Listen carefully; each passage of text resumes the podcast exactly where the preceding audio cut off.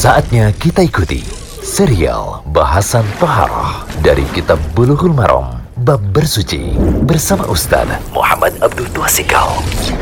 Alhamdulillah, salatu wassalamu ala rasulillah wa ala alihi wa sahbihi wasallam Kali ini kita berada di audio ke-89 dari kitab Bulughul Maram, kitab Taharah tentang haid. Bahasan yang dihalalkan dan diharamkan pada wanita haid.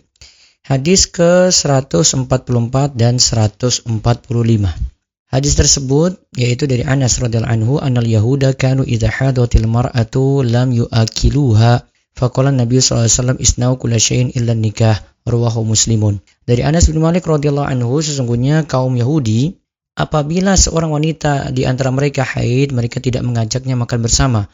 Maka Nabi Shallallahu alaihi wasallam bersabda kepada orang-orang muslim, lakukanlah segala sesuatu ketika istri kalian itu haid kecuali jima Kemudian hadis 145 dari Aisyah radhiyallahu anha ia berkata karena Rasulullah sallallahu alaihi wasallam ya'muruni fa'attaziru fayubashiruni wa ana haidun muttafaqun alaih. Dari Aisyah radhiyallahu anha Rasulullah sallallahu alaihi wasallam itu pernah menyuruh kepadaku mengenakan kain dan beliau menyentuhkan badannya kepadaku padahal aku sedang haid muttafaqun alaih. Kemudian kami tambahkan lagi di hadis ke-146. Ini tentang kafaro menyetubui wanita saat masa haid. Kafarot menyetubui wanita saat masa haid. Nah, disebutkan dari Ibnu Abbas radhiyallahu anhu ani Nabi sallallahu alaihi wasallam fil ladzi ya'ti imra'atahu wa hiya haidun. Qal yatasaddaqu bi dinarin aw nisfi dinarin rawahu al-khamsatu wa al-Hakim wa Ibnu Qattan wa rajjaha ghairuhuma waqfahu. Ibnu Abbas radhiyallahu anhu dari Nabi Shallallahu alaihi wasallam tentang orang yang mendatangi istrinya ketika ia sedang haid. Beliau bersabda, ia harus bersedekah satu atau setengah dinar. Dirikan oleh imam yang lima dan hadis ini sahih menurut Al-Hakim dan Ibnu Qattan dan mauquf menurut lainnya. Kesimpulannya dari tiga hadis yang kita bahas yang disebutkan tadi, ini tentang masalah menggauli istri saat haid. Hadis Anas itu menunjukkan diharamkannya menyetubui istri saat haid. Dan ini sejalan juga dengan firman Allah dalam surat Al-Baqarah ayat 222. Fa'tazilun nisa fil mahid. Maka jauhilah istri kalian fil mahid. Pada waktu istri itu haid atau pada tempat istri itu keluar darah haidnya. Dan para ulama itu kata Syekh Abdul Fauzan berijma, bersepakat, berkonsensus haramnya menyetubui wanita saat haid di kemaluannya. Sedangkan hadis Aisyah radhiallahu anha itu menunjukkan bolehnya mencumbu istri yang sedang haid, namun ini bukan jima. Ya, dan ini bentuknya ada dua macam kata Syekh Abdullah Fauzan. Pertama, yaitu bersenang-senang dengan wanita haid uh, di atas pusar di bawah lutut. Ya, di atas pusar di bawah lutut dengan menciumnya, dengan menyentuhnya dan seterusnya.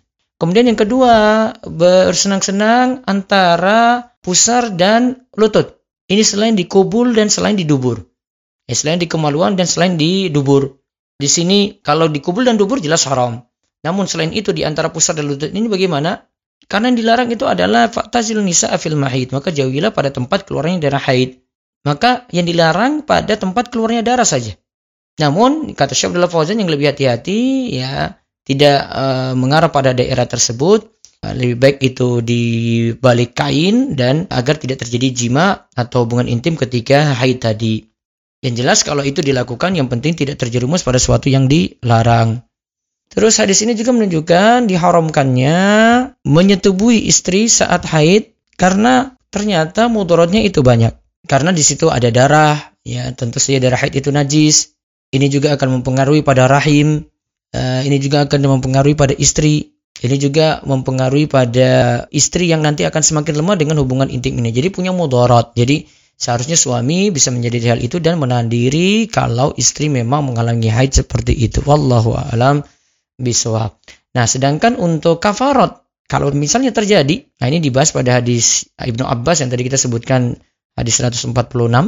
Nah, tentang hadis ini para ulama mengatakan bahwasanya riwayatnya itu bermasalah karena tadi disuruh bayar kafarot bersedekah dengan satu dinar atau setengah dinar. Satu dinar atau setengah dinar. Kesimpulannya siapa yang menyetubui istrinya sedangkan istrinya dalam keadaan haid tentang kafarat ini ada ditetapkan dalam mazhab Imam Ahmad maupun Syafi'i dalam pendapatnya yang lawas yang lama namun pendapat yang kedua itu mengatakan tidak ada kafarat namun kewajibannya itu beristighfar bertobat pada Allah dan inilah pendapat jumhur ulama dari Hanafi, Malikiyah dan Imam Syafi'i dalam pendapatnya yang terbaru. Jadi kewajibannya tobat.